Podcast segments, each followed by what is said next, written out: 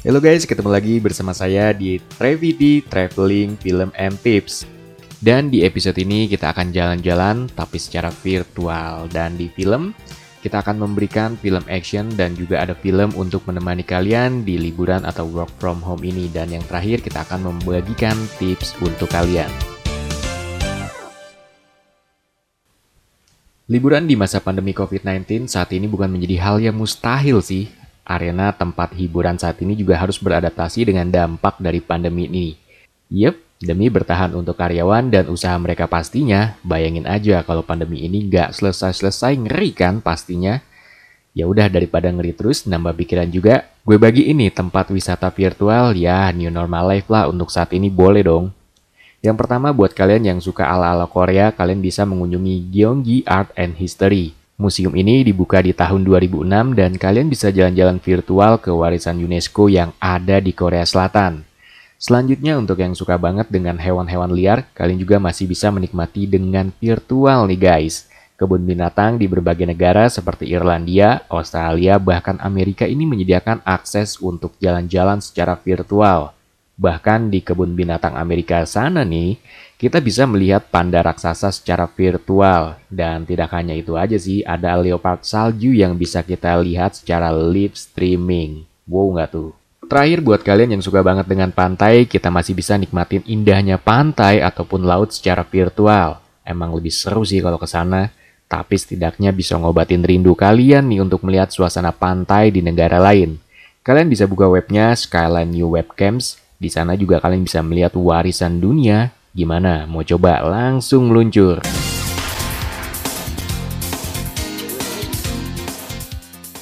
Dari jalan-jalan virtual kayaknya enak juga ya kalau sambil work from home atau liburan kita nonton film nih. Pastinya secara streaming juga sih.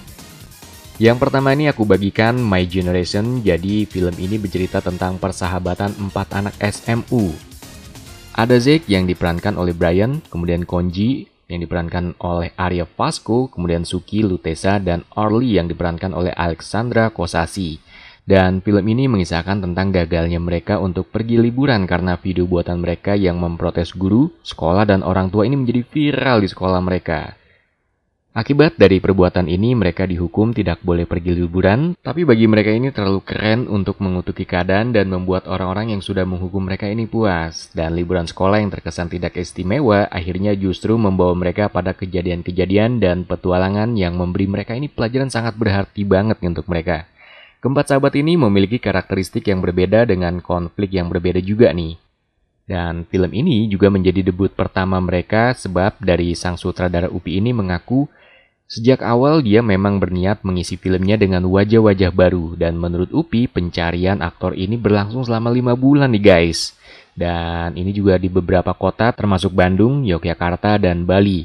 Untuk urusan berburu kandidat pemerannya, Upi ini mempercayakannya kepada Andika Dharma Permana yang mencari aktor potensial untuk dipanggil audisi.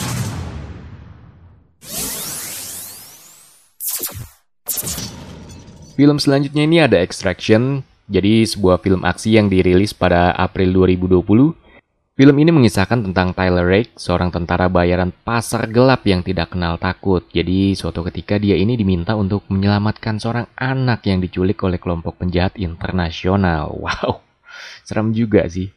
Di dunia pedagang senjata dan pedagang senjata gelap, seorang anak muda menjadi pion dalam perang antara gembong narkoba terkenal dan terjebak oleh penculik di dalam salah satu kota paling tidak tertembus di dunia Penyelamatan pun menanti keterampilan tidak tertandingi dari seorang tentara bayaran yang bernama Tyler Rake.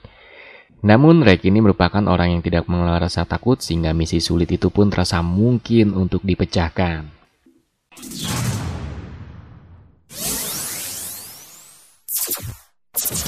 Yang terakhir, cara tetap produktif saat work from home. Meskipun kita sedang bekerja di rumah, kita juga perlu waktu luang untuk menyegarkan pikiran. Contohnya nih waktu luang untuk santai atau berkumpul bersama keluarga. Dan kita juga harus mengetahui produktif ini bukan berarti bekerja tanpa henti. Justru tidak bisa disebut produktif jika ternyata kita mengorbankan waktu luang. Waktu yang seharusnya digunakan untuk beristirahat, namun kita pakai untuk bekerja. Produktif yang baik itu lebih menekankan pada hasil yang baik yang melibatkan proses yang baik juga pastinya. Nah, gimana sih caranya agar kita bisa kerja produktif tapi waktu luang tidak tersita? Yang pertama ini kita harus membuat rencana kerja. Demi kelancaran bekerja, kita harus membuat perencanaan ini nih pastinya. Contohnya ini kita bisa membuat jadwal tugas-tugas apa yang harus kita lakukan setiap harinya dan jangan lupa juga untuk memberikan target waktu pengerjaannya. Dan selain itu kita harus membuat urutan prioritas kita kerjakan berdasarkan prioritas tadi. Yang terpenting kita harus menghindari menunda-nunda pekerjaan. Selanjutnya ini salah satu faktor terhambatnya sebuah pekerjaan adalah kurang fokus. Jika kita ingin menyelesaikan pekerjaan tepat waktu, maka dibutuhkan fokus pada tujuan utama.